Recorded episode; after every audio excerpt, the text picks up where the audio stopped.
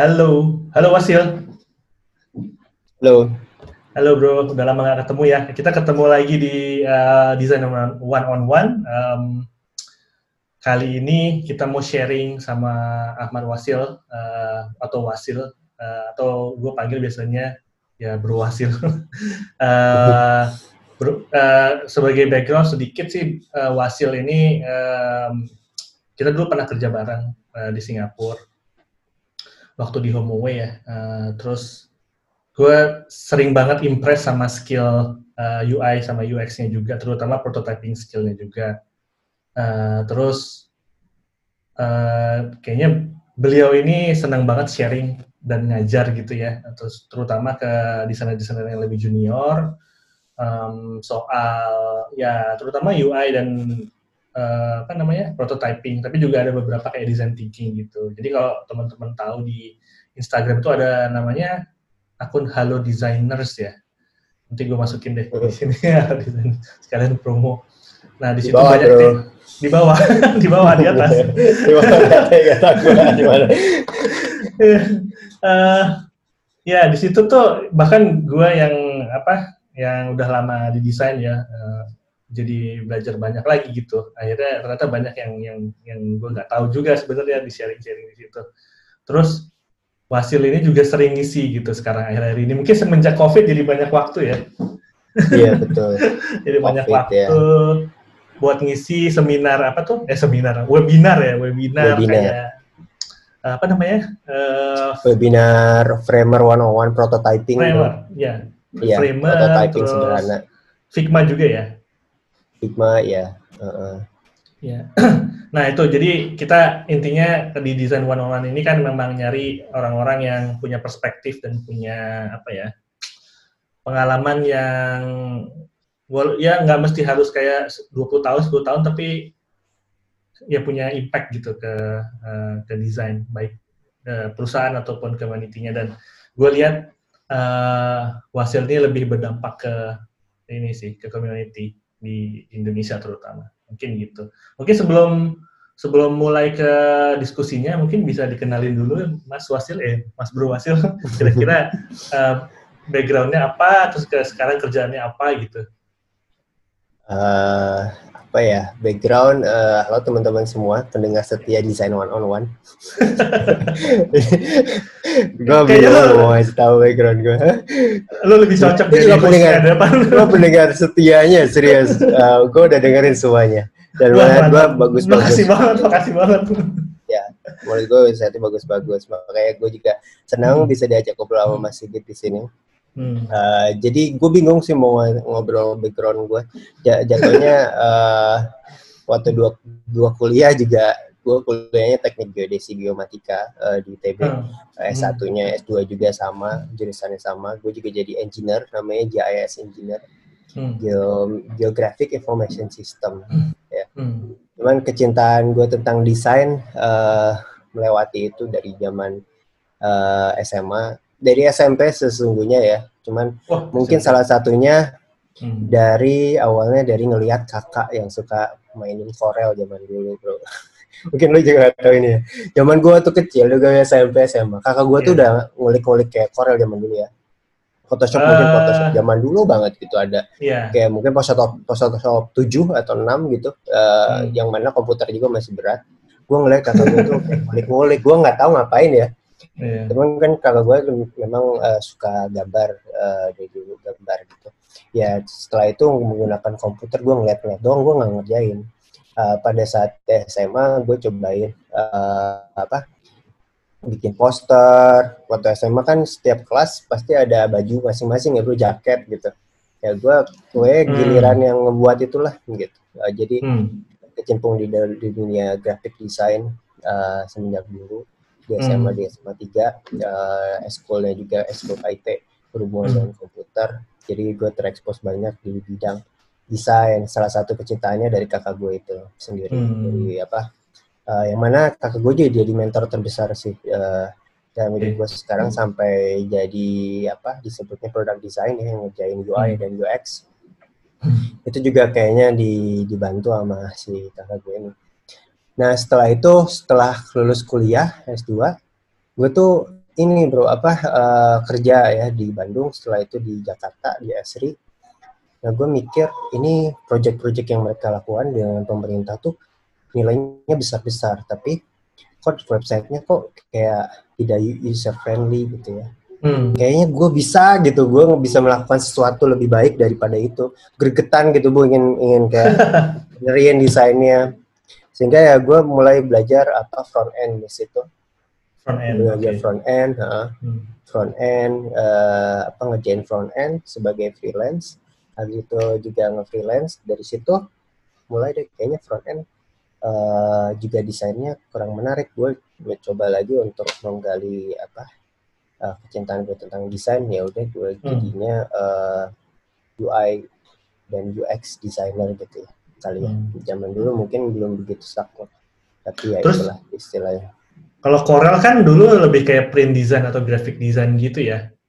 ya. Terus uh, transisinya ke ke UX tuh kan juga cukup panjang ya. Jadi apa mulainya ya, dari front end itu ya baru ke UX gitu. Betul. Betul, betul. Yeah. Zaman waktu ada Corel gue nggak pikiran apa itu UI atau UX belum ada ya. Kayaknya belum belum belum muncul juga istilah itu. Uh, kakak gue juga belum muncul. Yang gue tahu sih yang gue tahu sih uh, kalau gue memulai untuk ngerjain interface itu ketika gue kuliah. Dia gue hmm. ngelihat dia tuh kayak ngedesain apa ya uh, aplikasi iPhone waktu dulu. Yang mana hmm. uh gila pakai Photoshop zaman dulu. Gak pernah ya, ada yang kayak gitu. Gue ngeliat dia ngerjain apa gitu. Dan ya menarik. Jadinya gue cobain aja awalnya cuman cuman hmm. dari situ Hmm. Dari dari ya lebih mendalam lagi pada saat jadi front end sih front end engineer karena gue belajar untuk membuat si websitenya itu sendiri dalam HTML, CSS, JS. Hmm. Gue juga paham jadi cara ngedesainnya itu gimana sih pada saat nge ngedevelop itu kan. Jadi uh, sedikit paham tentang mindsetnya si developer ketika mereka mengimplementasikan desain. Jadi kita semakin terbantu lah gitu pada saat itu waktu di S3 ya pada saat di S3. Terus menurut lo ada perbedaan nggak antara graphic design sama UX design waktu itu? Ada sih bro, iya ada. E, hmm. Pada saat itu menurut gue perbedaan terbesarnya adalah e, di problem solving ya. Hmm. Kalau graphic design mungkin memang sama-sama menyampaikan, e, mengkomunikasikan pesan yang ingin disampaikan melalui visual gitu ya. Graphic design kan intinya adalah mengkomunikasikan pesannya. Dapat nggak orang yang melihat itu uh, menangkap pesan yang kita ingin sampaikan. Kalau si UX itu menurutku ada masalah gitu yang ingin dipecahkan di situ yang melibatkan unsur manusia, interaksi manusia di dalamnya. Sehingga kita hmm. pun harus menggali gitu dari sisi itu. Kalau graphic design hmm. mungkin kita nggak begitu banyak untuk melakukan research ya, untuk mendesain poster, hmm. mendesain apparel dan sebagainya. Hmm. Uh, kalau CUS kan kita harus paham dulu ini tuh sebenarnya masalahnya apa sih gitu kan. Hmm. Kita juga harus nanyain beneran nggak sih masalahnya sama dengan yang ada di pikiran kita. Dan juga mengevalidasi ya solusi kita tuh beneran solusi yang terbaiknya bagi si teman-teman hmm. uh, usernya itu. Itu sih menurut gue perbedaan terbesarnya bro. Oke. Okay. Terus kalau sekarang ditarik lagi, eh, di, di bukan ditarik ya, mungkinnya di, di, dilihat lagi kayak karirnya sekarang versus yang zaman dulu kan. Uh, sekarang benar-benar udah lo udah fokus di UX banget dan yang sekarang lo kerjain itu uh, travel ya, travel technology ya, apa? Uh-huh. travel stop ya. Terus uh, kira-kira da, lo melihat ke belakang uh, apa sih uh, perbedaannya UX yang dulu sama yang sekarang? Mungkin bisa dilihat dari sisi skill development lo juga, bisa juga dilihat dari kayak mungkin dari lihat produknya juga atau demand-nya gimana? UX yang dulu sama UX yang sekarang ya bro ya? Oh iya. UX dulu sama UX sekarang tuh menurut gue uh, yang sekarang tuh lebih diverse ya. Ternyata hmm. dulu tuh ya kita ngomong UX designer ya, yang hmm. sesungguhnya hmm. menggunakan apa mengerjakan UI juga gitu. Tapi sekarang ternyata makin spesifik gitu, makin bisa dibagi-bagi, makin fragmented si apa hmm. job roles-nya sehingga kita bisa dengar ada yang namanya design technologies atau UX engineer gitu kan hmm. ada interaction designer sendiri ada UX researcher bah bahkan dalam UX researcher department pun bisa dibagi-bagi lagi ada ethnographer gitu ya dan hmm. lain-lain sebagainya gitu kan sehingga menurutku uh, hasanah ilmunya bisa lebih luas, uh, kita hmm. dapat insight dan ilmu uh, input lebih banyak gitu ya. Uh, bagus menurut gue dalam sisi industrinya jadi lebih beragam uh, dan kita juga apa ya uh, dapat dapat banyak perspektif di situ di dalamnya. Kalau dulu sih kayaknya karena belum baru mulai si menurut gue juga ini mas sampai sekarang juga si industrinya masih belum begitu dewasa tapi mulai masuk ke sana gitu menurut gue hmm. gitu sih oke okay. Gitu terus kita kita nyambungin lagi ke ini nih apa community design community gitu ya hmm. lo lihat kayak kalau lihat dari sejarah uh, lo belajar UX kan itu nggak ada sama sekali dari ini ya dari pendidikan formal gitu ya. Dari pendidikan formal betul. Iya, ya. jadi lo benar-benar kayak on the job gitu, terus coba-nyobain hmm. gitu. Dan mungkin dulu resourcesnya belum banyak gitu ya. Nah, apakah kemudian ini yang jadi motivasi lo gitu? Ini asumsi gue, lo jadi motivasi lo untuk bikin kayak community yang belajar bersama ini untuk supaya hmm. orang uh, anak-anak yang mungkin aspirasi yang jadi di UX designer atau mungkin yang sekarang udah jadi UX designer tapi ingin improve the skill gitu bisa bisa belajar sendiri lagi gitu karena mungkin dilihat apakah pain points-nya mereka nggak punya materi untuk belajar di luar sana gitu. Hmm, itu is very good question bro.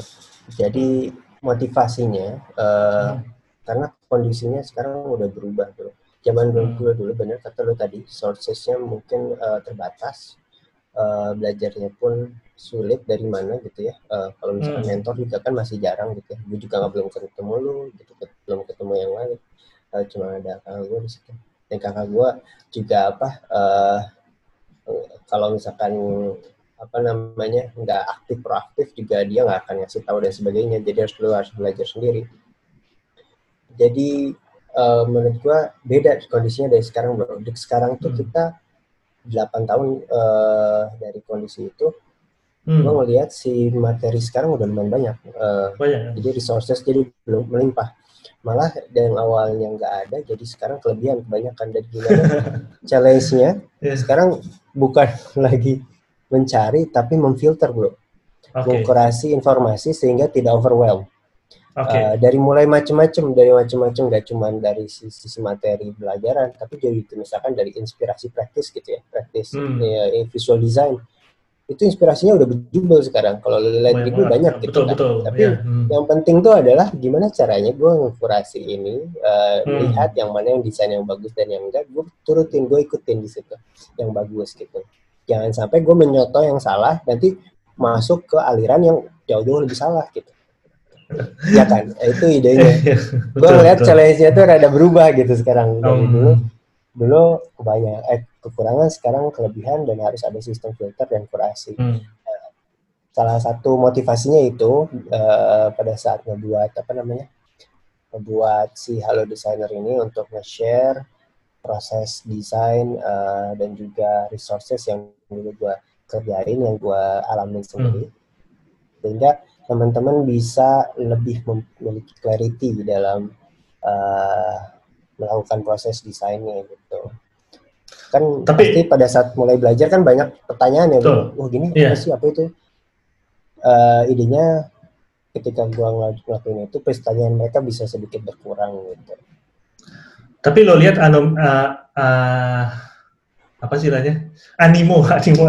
Animo. kan? Animonya hmm. ini ya apa namanya besar banget. Jadi kayak uh, ada demandnya gitu ya.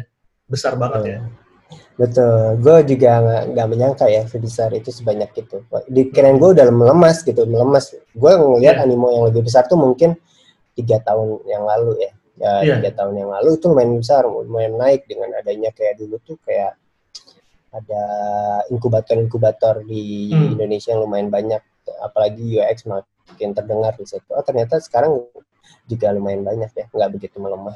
Gue juga masih banyak masih banyak orang yang berminat ke situ. Asumsi lu kenapa tuh? Kenapa mereka banyak yang berminat ya? Pertama mungkin ngelihat kerjaannya sih bro, mungkin menggiurkan hmm. menurut mereka. Uh, Okay. Dari sisi kesejahteraan, uh, dari sisi pekerjaan yang memang gimana lebih banyak, dari jumlah-jumlah apa uh, roles yang uh, beredar sekarang makin banyak ke arah sana. Hmm. Karena hmm. memang semua perusahaan sekarang going digital ya. dan yeah. setiap perusahaan yang memiliki digital mereka ingin ngebuat suatu produk membutuhkan desainer sehingga ya butuh juga hmm. secara tidak langsung butuh si UX designer ini. Hmm. Dan juga ini ya mungkin kebanyakan perusahaan sekarang butuh yang senior ya. Oh iya betul. Nah, jadinya kayak mereka Biasanya, yang buat gue nih bro ya. Nah, gimana? Kalau jadi kayaknya yang junior-junior ini kayak uh, pengen dulu pengen upskill gitu sehingga iya, bisa betul, bisa jadi senior juga cepat se, secepat mungkin betul. gitu bener ya?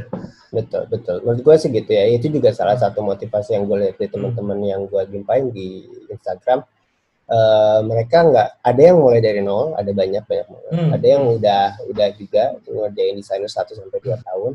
Dan hmm. mereka pengen upgrade skill mereka uh, untuk menjadi lebih baik gitu jatuhnya. Ya dengan tujuan apa pun apakah menjadi uh, senior designer, menjadi uh, manager atau menjadi uh, mendapatkan pekerjaan yang lebih baik dan sebagainya.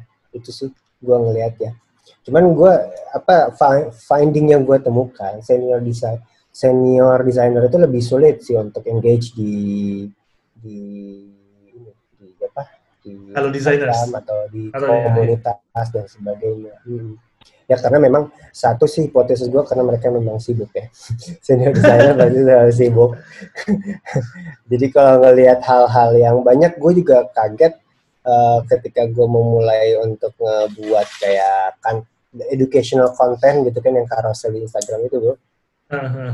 ya kan gue aja sendiri dari dari pihak sendiri gue ngelihat awal-awalnya ada kayak gitu gue nggak begitu merhatiin karena gue udah tahu gitu bro ah ini mah gue udah tahu gitu kan nggak ada nilai lebih buat gue waktu dulu hmm. tapi gue, akhirnya gue ngerjain itu karena banyak orang yang nggak ternyata nggak tahu yeah. gitu sehingga ya memang audiensnya beda kan berarti kalau misalkan yang udah lama udah senior mungkin ngeliatnya mah ah, itu bukan sesuatu yang baru buat gue mungkin hey. konten yang lain yeah. yang membuat mereka menarik kayak konten managing team atau yeah, konten betul, betul. Uh, apa how to cultivate uh, apa uh, junior designer dan sebagainya. Ya, mungkin fokusnya udah beda ya. Mereka aspire aspire to be a manager atau one step up gitu ya. Um, Betul. Menurut gue sih gitu mungkin ya. Tapi uh, kalau dilihat berarti kan emang target market lu sih, target usernya tuh yang lebih kayak junior ke senior ya. Nah, Um, oke okay, ini menarik sih. Jadi gue pengen tahu nih, kalau misalnya gue sekarang nol, uh, gue engineer gitu misalnya atau mungkin ya, hmm. mungkin gue gue bankir atau apa gitu yang sama sekali unrelated.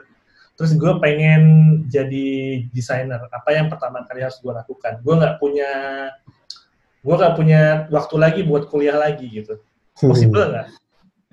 Possible banget menurut gue sih. Possible. Uh, kalau mau terjun ke nggak cuma desainer ke berbagai disiplin yang baru asal lu punya niat yang kuat dan juga uh, waktu untuk ngerjainnya menurut gue sih possible yes. uh, spesifik untuk desainer yang lu harus kerjain pertama kali yaitu praktis menurut gue ya uh, hmm.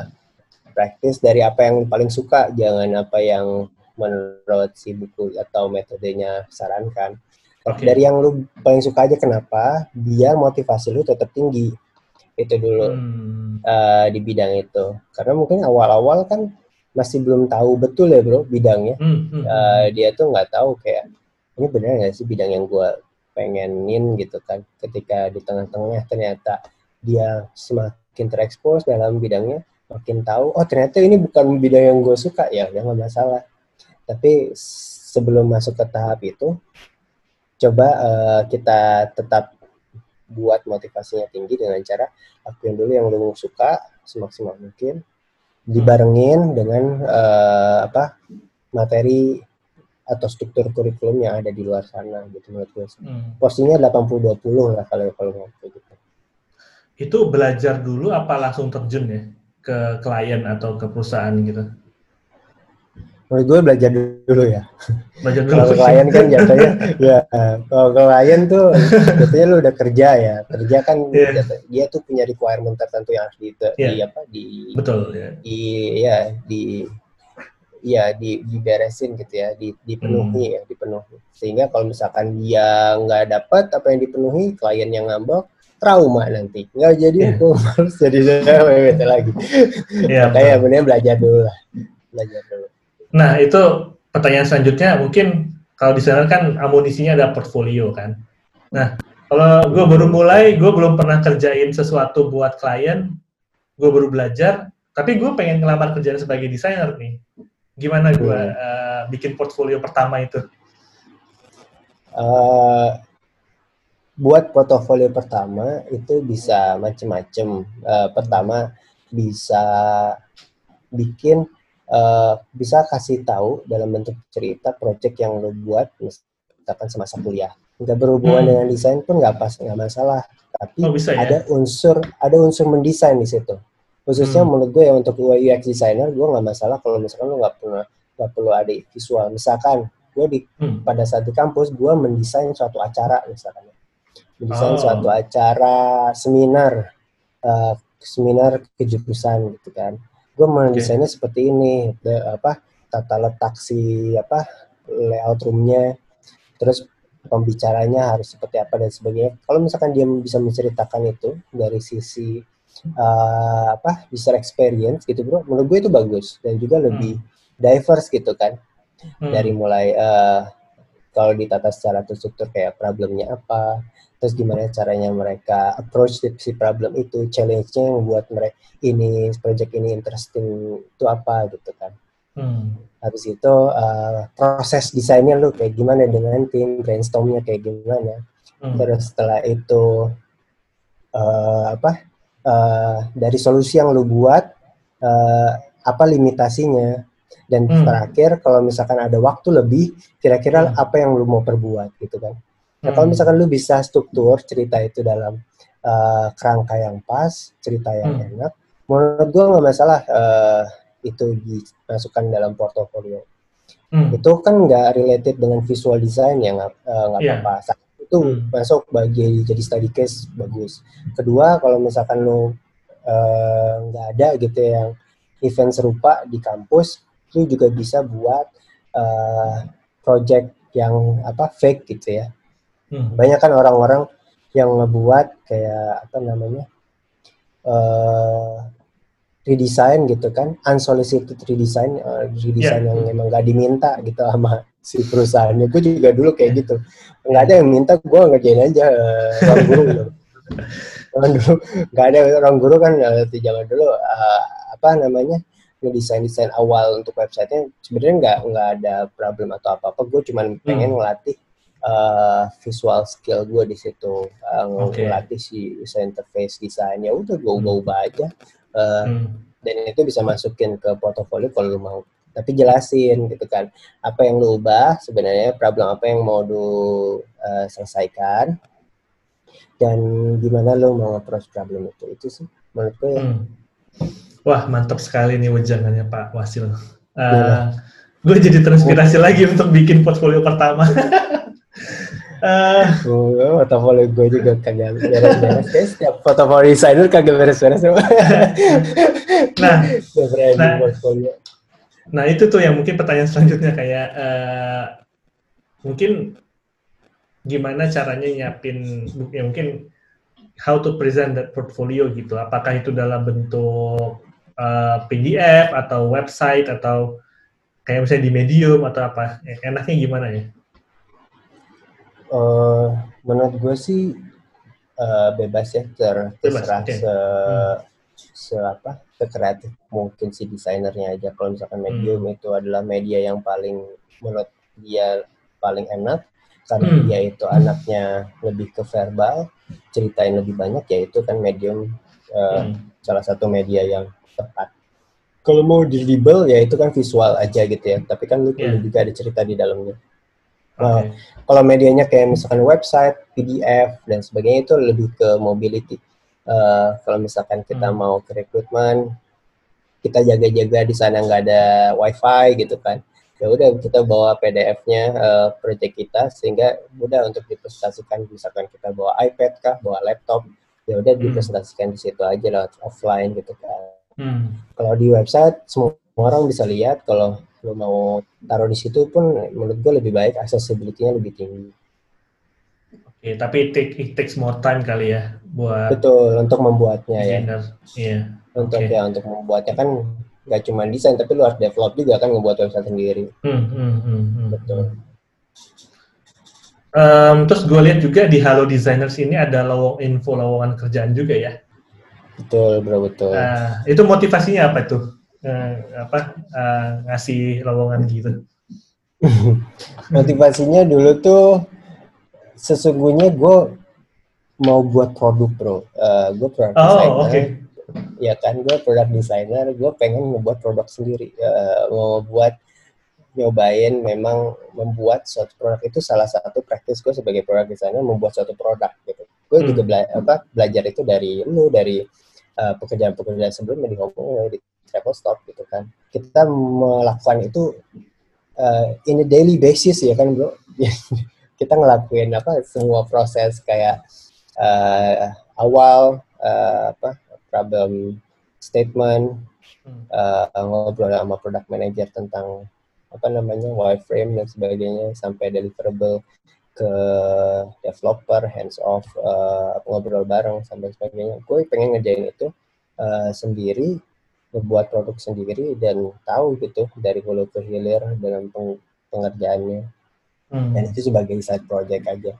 Ya emang lumayan epic dan overwhelm pada saat awalnya ngebuat kayak gitu sendiri itu. Memang perlu uh, manajemen uh, waktu ya dan tenaga sih tapi gue banyak belajar sih dari situ bro uh, terutamanya uh, dari no code ya no code community no code platform yang mana uh, lu banyak integrasi dari satu platform ke platform lain uh, pakai yang namanya Zapier ngobrol sana hmm. ngobrol sini ngobrol sana banyak yang dipelajarin tapi hmm. banyak juga dikerjain sedikit waktu yang ada jadi ya lumayan terus gue lihat lu juga rajin kayak ngirim vitamin ya kayak itu email ya? Wah. ya yeah.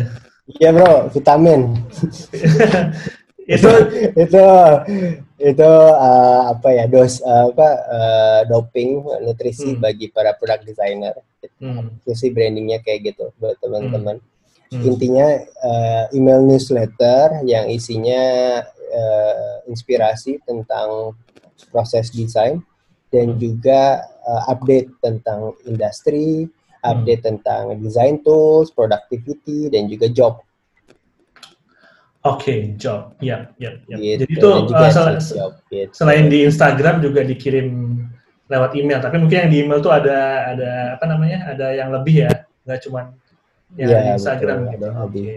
Iya betul, yang lebih itu semacam ya newsletter lah. Hmm.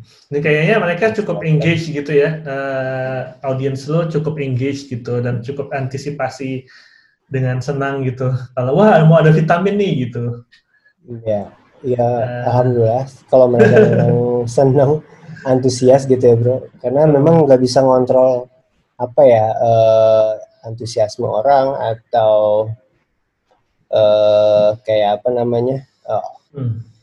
Uh, outputnya gitu ya apa yang kita hmm. kerjain jadi gue juga masih mencari rumusnya gitu kan setiap post tuh bakal bisa jadi viral tuh kayak gimana menurut gue sih nggak hmm. bisa kayak beneran kita tahu yang mana yang viral atau yang enggak yang kuncinya yaitu ya harus konsisten untuk memberikan value yang bagus gitu sih. Ya, tapi tujuan lo emang apakah untuk viral atau tujuannya emang lebih kayak mau sharing aja sebenarnya? Sharing aja sih bro. Iya. Hmm. Sharing aja sih bro. Oke. Okay. Oke, okay, nah ini gue ada dua pertanyaan lagi sebenarnya. Yang satu mungkin lebih serius, yang satu mungkin lebih uh, relax. yang pertama itu Nah, mungkin kayak tadi gue lupa tanya sih sebenarnya. Kalau misalnya lo baru mulai di UX ya, atau mungkin lo udah mulai kayak satu atau dua tahun tapi belum lama lah gitu. Gimana caranya lo me menentukan arah nih? Gue pengen jadi UI designer aja, atau gue pengen jadi design technologist, gue pengen jadi researcher gitu kan. Pasti kan, ya kayak tadi lo bilang ada banyak kan cabangnya. Gimana gue menentukan dari semua itu? Hmm menurut gue sih bro uh, untuk menentukan mau ke arah mana lo harus tahu hmm. dulu tentang uh, semua semua bidang itu sih semua bidang hmm. itu ya hmm. at least uh, tahu secara general gitu sehingga hmm. lu nggak salah memilih dalam uh, apa menjuruskan diri lu ke salah satu bidang.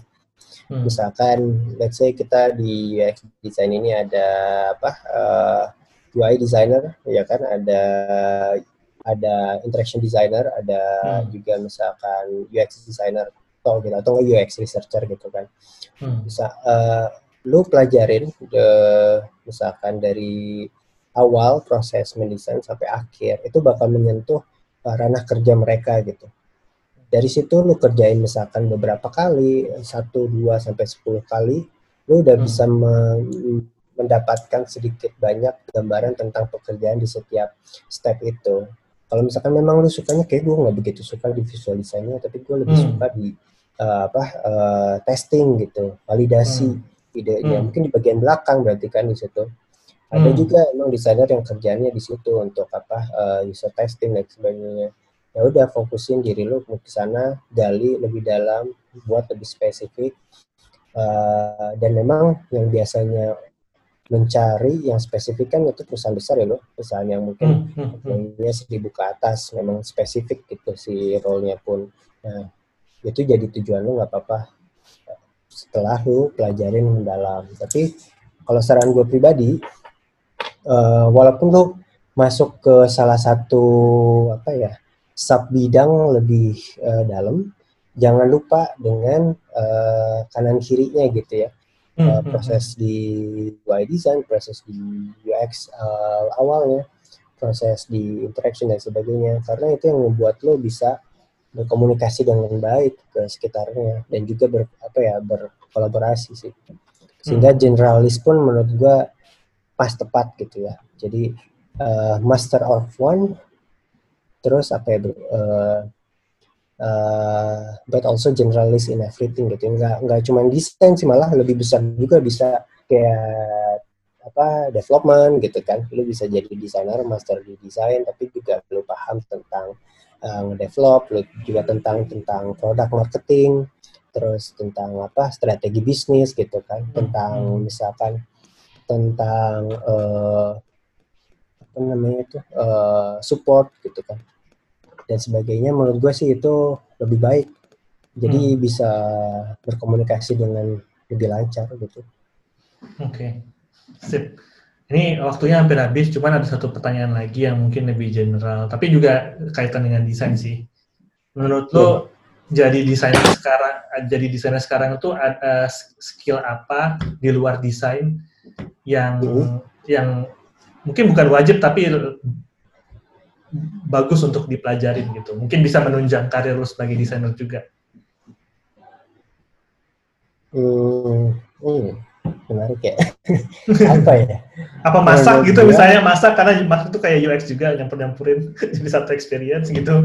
Nggak tahu deh apa menurut gue sih mungkin yang lebih related dengan pekerjaan mereka kalau misalkan dia mendesain tentang produk digital coba belajarin tentang uh, sedikit tentang development misalkan hmm. gimana sih cara kerja development gitu ya yeah. nggak perlu sampai dalam atau lo bisa production code level uh, uh, apa of coding gitu ya nggak perlu yeah. tapi sedikit banyak pelajaran tentang itu satu hmm. lagi mungkin pelajarin tentang uh, apa ya? Uh, ya tentang tentang dunianya orang yang lu kerja bareng hmm. gitu. Misalkan lu kerja bareng sama itu apa? Uh, lu mau desain tentang cooking gitu ya, tentang apa? Tentang masak. cooking Jadi gitu juga ya. pelajarin ya, lu pelajarin hmm. juga tentang si ya, ilmu itu. Jadi domain knowledge-nya terbangun gitu ya. Hmm ya nggak cuma misalnya, terkukung di situ kalau lo travel berarti lo harus sering traveling gitu ya ya bro pengennya gitu. Pengennya gitu perusahaan juga pengennya ngebantuin. Eh, uh, ini, gitu tapi ya. Ini menarik sih kayak sekarang kemarin tuh gue lihat ada rumah sakit di Singapura ya yang hiring UX designer gitu. Wah mantap. Itu mantap. kayaknya um, menarik gitu ya kalau misalnya bisa menarik. gitu masuk ke problem yang menarik, apa ya yang yang unik banget dan lu beneran belajar uh, domainnya gitu ya Betul, menarik bro. Gue juga tahu ada UX di Changi Airport, UX designer Wah. Changi Airport. Karena salah satu desainernya pindah ke e-commerce setelah itu Shopee kalau nggak salah atau oh. Carousel gue lupa. Memang hmm. awalnya UX designer di uh, apa Changi Airport. Jadi hmm. memang yang tadi gue bilang gitu portofolio desain UX itu nggak perlu tentang visual talk gitu tentang alur kerja gitu kan tentang, hmm. tentang desain seminar dan sebagainya juga bisa masuk. Oke. Okay. Mantap. Ini kayaknya udah banyak insight, Mantap. tapi emang kita, uh, gue nggak mau terlalu panjang, soalnya takut uh, kelamaan dan bosan gitu. Uh, jadi nanti kayaknya untuk edisi kedua bisa kita rencanain lagi ya kapan-kapan ya. Iya bro. Oke okay, jangan lupa nih teman-teman kalau misalnya ini ada waktu follow Halo Designers di Instagram, terus follow juga webinar-webinarnya Om Wasil nih, Bro Wasil. dan semoga oh ya jangan lupa itu ter, uh, apa subscribe di apa namanya Insider ya subscribe apa? Vitamin ya vitamin ya oh vitamin. Iya iya. iya iya iya ya itu uh, ya harus subscribe kan ya? Ya subscribe ya lewat ya. Instagram. Oke. Okay. Sid, uh, makasih makasih banget nih uh, Wasil. Uh, semoga bisa ketemu lagi secepatnya uh, dan sehat selalu ya semuanya. Oke, sama-sama. Bro Sigit. Makasih. Makasih. Ya.